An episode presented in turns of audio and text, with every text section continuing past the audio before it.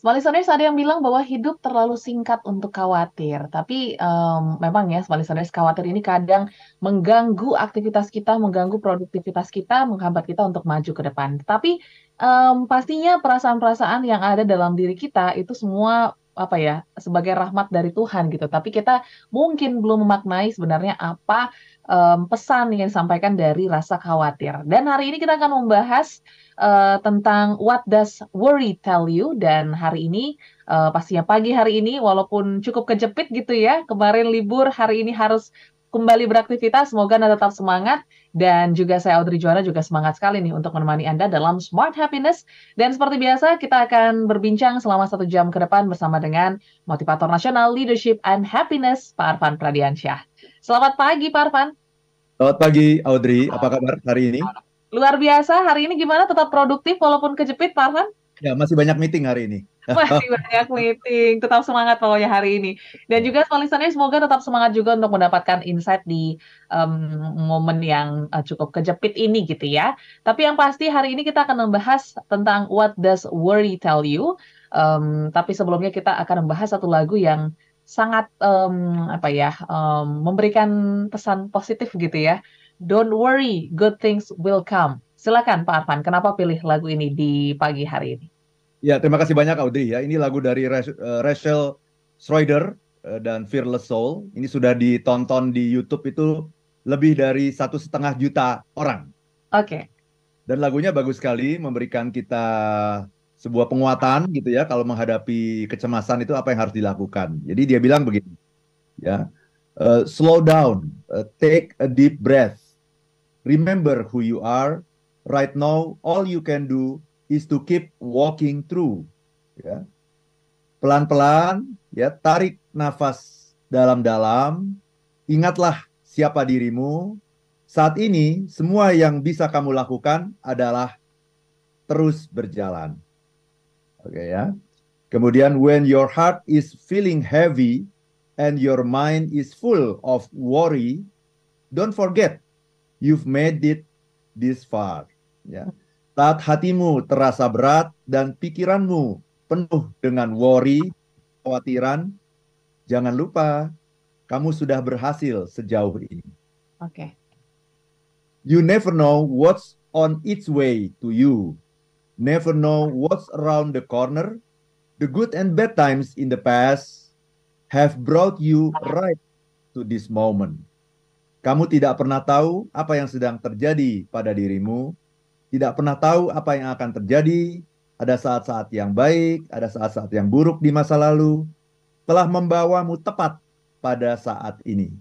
Every chance and every fall has shaped you into who you are. So don't worry, just look around. Good things will come wherever you are going in. Jadi setiap kesempatan dan setiap kegagalan telah membawamu menjadi dirimu yang sebenarnya. Jadi jangan khawatir, lihat saja ke sekelilingmu, hal-hal yang baik akan datang ke mana pun kamu pergi. Hmm, Oke, okay. wow, ini satu lagu yang um, apa ya memberikan semangat baru untuk kita small dari Rachel ya dan juga Fearless Soul. Uh, tadi menarik ya Pak Arfan uh, ada dikatakan bahwa uh, don't forget you've made it this far gitu. Berarti kalau dipikir-pikir kita apa ya sudah melalui banyak kekhawatiran dalam hidup dan kita sampai di sini. Nah mungkin mindset itu seperti apa Pak Arfan untuk kita yang sudah banyak melewati kekhawatiran, apakah ini bisa menjadi semangat juga untuk tidak khawatir di masa depan atau seperti apa? Ya kita sudah banyak melewati kekhawatiran dan uh, kita juga sudah banyak membuktikan bahwa banyak dari kekhawatiran itu yang tidak terjadi. Uh -huh. Okay. Nah, itu dan kekhawatiran itulah sesungguhnya yang membuat kita sampai di sini karena dengan khawatir kita jadi mempersiapkan diri gitu. Mm-hmm. Gitu Audrey. Jadi kekhawatiran itu kan sesungguhnya sering kali dianggap oleh banyak orang itu sebagai emosi yang negatif. Betul. Saya mengatakan dan saya sudah berkali-kali mengatakan dalam forum ini maupun forum-forum yang lain bahwa emosi itu tidak ada yang negatif gitu. Salah sekali orang yang mengatakan ada emosi yang negatif. Betul. Emosi itu semuanya adalah ciptaan Tuhan gitu. Masa Tuhan membuatkan sesuatu untuk kita yang negatif kan nggak mungkin gitu. Nah, jadi nggak ada itu yang namanya emosi negatif. Semua emosi itu positif. Karena semua emosi itu membawa pesan yang ingin disampaikan oleh alam semesta kepada kita. Nah, itu yang harus kita tangkap gitu. Apa pesannya gitu, Audrey ya? Yes. Dan, uh, kalau kita merasakan kok emosi ini kalau bukan negatif apa dong namanya gitu. Saya memberikan nama emosi ini sebagai uncomfortable emotion. Okay. Emosi yang tidak menyenangkan gitu. Jadi emosi itu ada dua. Ada emosi yang menyenangkan, ada emosi yang tidak menyenangkan. Tapi dua-duanya positif. Uh-huh. Mungkin ada yang bertanya, loh kok bisa begitu? Iya dong. Kayak misalnya uh, makanan gitu ya. Oke. Okay.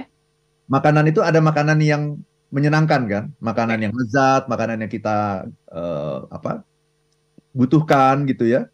Tetapi ada juga makanan-makanan yang tidak menyenangkan. Uh-huh. Salah satunya obat. Betul. Obat itu kan makanan yang tidak menyenangkan gitu. Ya.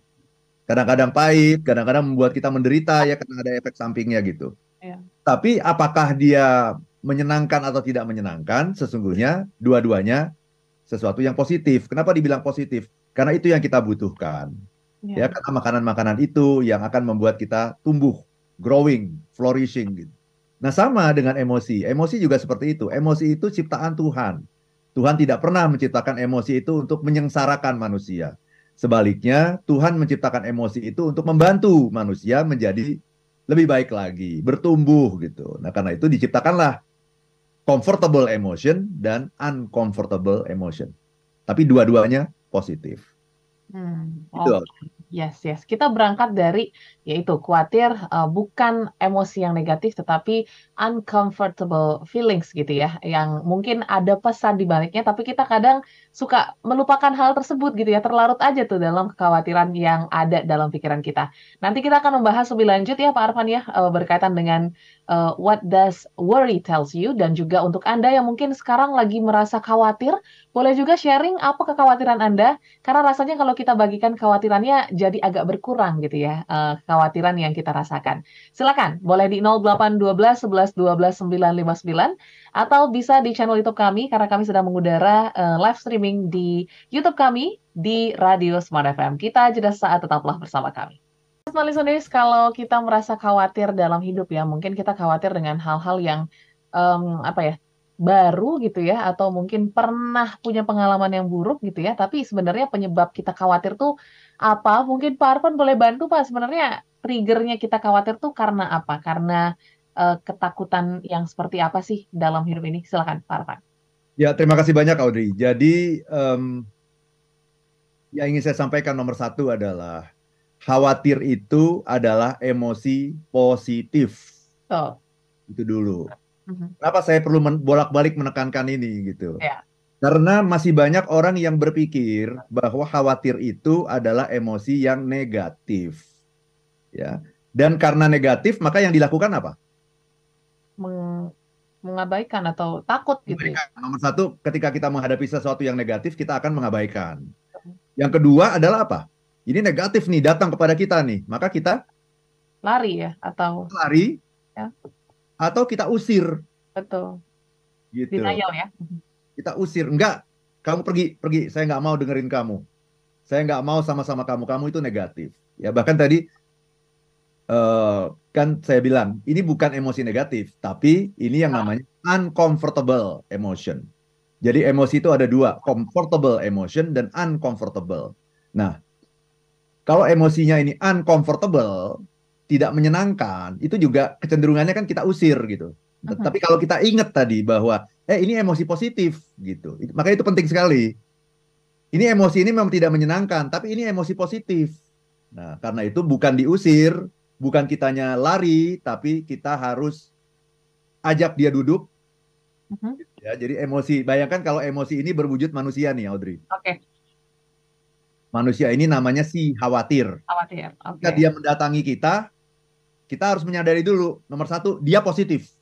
Hmm. Apa itu positif? Dia punya niat baik. Yang kedua, dia memang uncomfortable. Dia memang tidak menyenangkan. Dan setiap orang itu kan selalu mencari sesuatu yang menyenangkan dan menghindari kesakitan. Kan sudah kita bahas di beberapa uh, pertemuan pertemuan kita sebelumnya gitu ya. Jadi kalau kita tahu ini tidak menyenangkan, it's okay, tapi dia positif. Mhm. Dia membawa pesan baik. Ya udah kita dengerin. Jangan kemudian kita usir dia. Jangan kemudian kitanya yang tutup tutup telinga, saya nggak mau denger gitu. Bukan. Yuk, kamu ini bagus, kamu ini positif, tapi kamu membawa uh, feeling yang uncomfortable. Oke. Okay. Ya. Sekarang kamu mau apa gitu? Kita tanya gitu. Eh, apa kabar nih? Uh, kecemasan gitu ya. Sudah lama nih nggak berkunjung ke rumah saya gitu. mau di apa? Teh atau kopi? Ya, udah. Kita ajak ngobrol Ya. Apa sebetulnya yang ingin disampaikan ini oleh si kecemasan ini kepada kita gitu. Itu Audrey. Nah, yang salah juga adalah kita buru-buru. Mhm. Buru-buru juga ada buru-buru yang buru-buru kabur, buru-buru mengusir, atau buru-buru cari tips. Hmm. Ya. Kan gitu ya. Oh, saya saya cemas. Oke, kalau saya cemas berarti tipsnya apa coba? Tipsnya. Bagaimana tips mengatasi kecemasan? Satu, tarik nafas dalam-dalam. Nah, itu kan tadi udah di, disarankan tuh oleh uh, Rahel, ya. kan? Ya. Dalam lagu kan tadi dia bilang, slow down, take a deep breath. Jadi kalau kamu mengalami kecemasan, kamu uh, slow down dulu, tenangkan dirimu, tarik nafas dalam-dalam. Gitu. Okay. Itu artinya apa? Kita lompat kepada tips. Kita lompat kepada solusi gitu. Kalau sedang cemas, nomor satu, tarik nafas dalam-dalam. Nomor dua, fokus pada aktivitas yang sedang kamu jalani sekarang. Oke. Okay. Tiga, misalnya tadi kata Audrey, kalau kamu sedang cemas, bercerita pada orang yang terdekat. Karena hmm. kalau kita bercerita, beban kita akan berkurang. Ya. Kemudian kalau kamu cemas, maka solusinya adalah kamu harus berserah kepada Tuhan. Yes. Ya, kamu harus berserah sepasrah-pasrahnya, sefokus-fokusnya, serahkan masalahmu yang kamu nggak bisa selesaikan kepada Tuhan. Gitu. Uh-huh. Yang saya katakan adalah itu bagus-bagus saja. Yes. Tetapi itu melompat kepada okay. solusi. Skip uh, beberapa part gitu ya. Kita skip beberapa part gitu.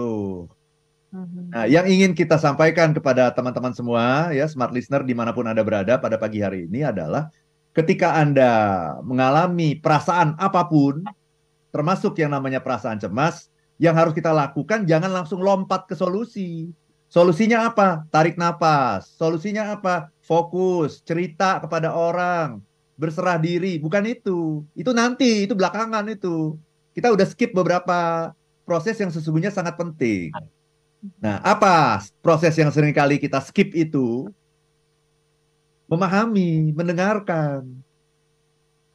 Kalau saya cemas, apa ya yang membuat saya cemas ya?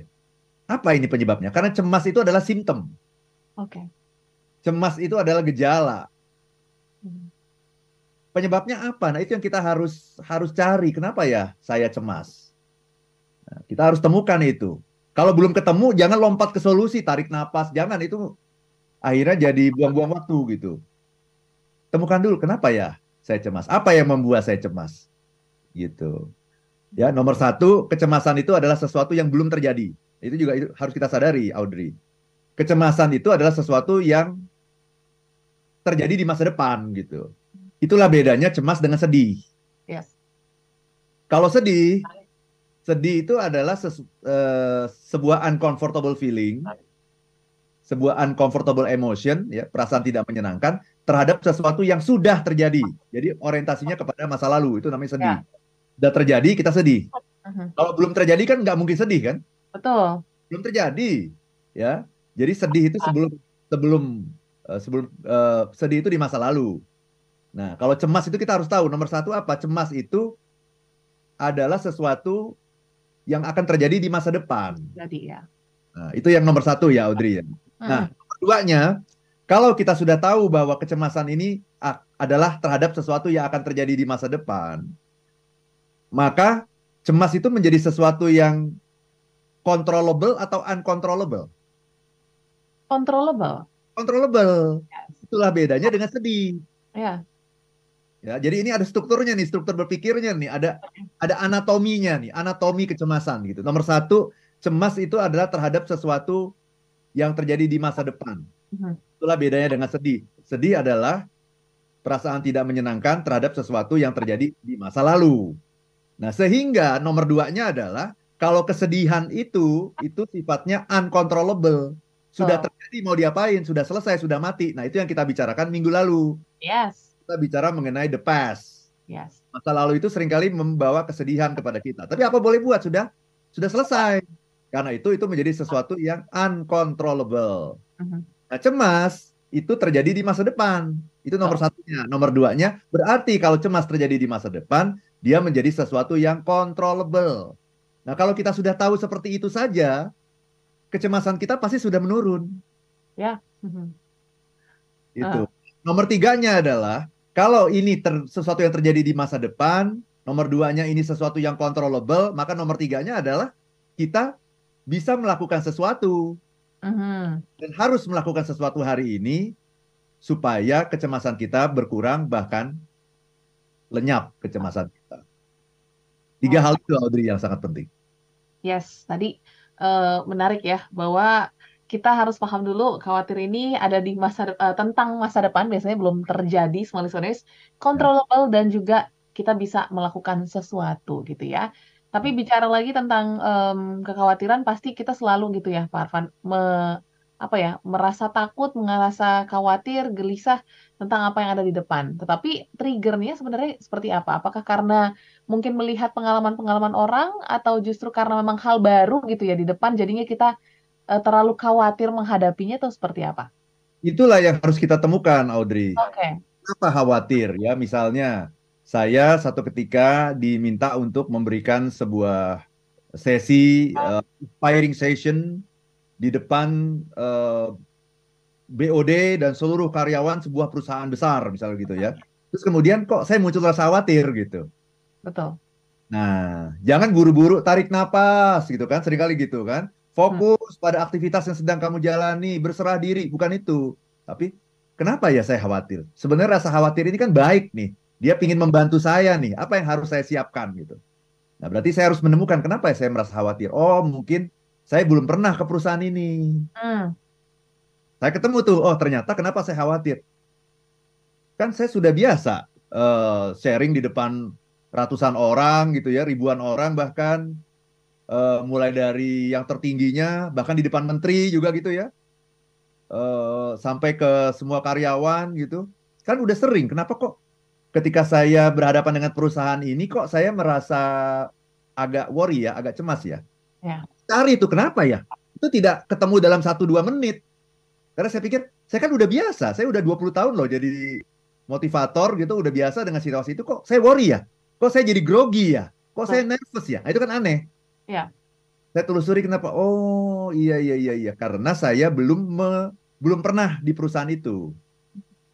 Tapi kalau belum pernah di perusahaan itu, ya, ini dalam proses berpikir ya. Ya. Kalau belum pernah di perusahaan itu, banyak kok perusahaan yang saya juga belum pernah, tapi saya biasa-biasa aja kok, semangat-semangat aja kok, pede-pede aja kok. Berarti bukan karena belum pernah di perusahaan itu. Nah, saya cari lagi kenapa ya, gitu. Cari lagi kenapa ya. Oh, ya saya baru ngerti. Saya bukannya belum pernah di perusahaan itu, tapi saya belum pernah di industri itu ternyata. Bukan di perusahaannya, tapi di industrinya. Ya, Misalnya, kalau saya diundang ke sebuah bank gitu, Hmm? bank ini belum pernah mengundang saya sebelumnya, ya. Nanti yang akan ikut semua karyawan dari CEO sampai level bawah, saya kok bisa biasa aja, Hmm. gitu. Eh, walaupun bank itu baru pertama kali ini mengundang saya. Ya. Oh iya, karena saya sudah memahami yang namanya industri perbankan. kan? Oke. Saya tidak muncul lagi perasaan worry di sana. Mhm. Tapi kenapa kok untuk perusahaan ini kok saya merasa worry? Bukan karena saya belum pernah diundang ke sana, tapi karena saya belum pernah mendeliver sesi motivasi untuk industri itu.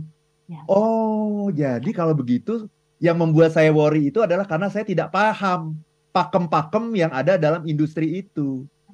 Oh, berarti kalau gitu yang harus saya lakukan, nah itu sampai sampai ke sana. Yang harus saya lakukan apa? Saya harus belajar mengenai industri itu Mhm. Saya harus belajar uh, anything related to that particular industry gitu. Pakem-pakemnya apa, bahasa-bahasanya apa. Kan setiap industri itu kan punya bahasa-bahasa masing-masing, ya, bahasa-bahasa teknis. Saya pelajari. Kalau perlu saya pergi ke lokasi. Oke. Ke lokasi kerjanya, misalnya kalau lokasinya di pabrik, saya pergi ke pabrik. Kalau lokasinya seperti minggu lalu, saya pergi ke pelabuhan. Yes. Ke pelabuhan Tanjung Priuk, lihat gimana cara mereka bekerja. Nah, itu yang harus saya lakukan. Dan ternyata setelah saya melakukan itu, mm-hmm. Worry-nya turun, turun, turun, turun, turun, habis. Oke. Okay.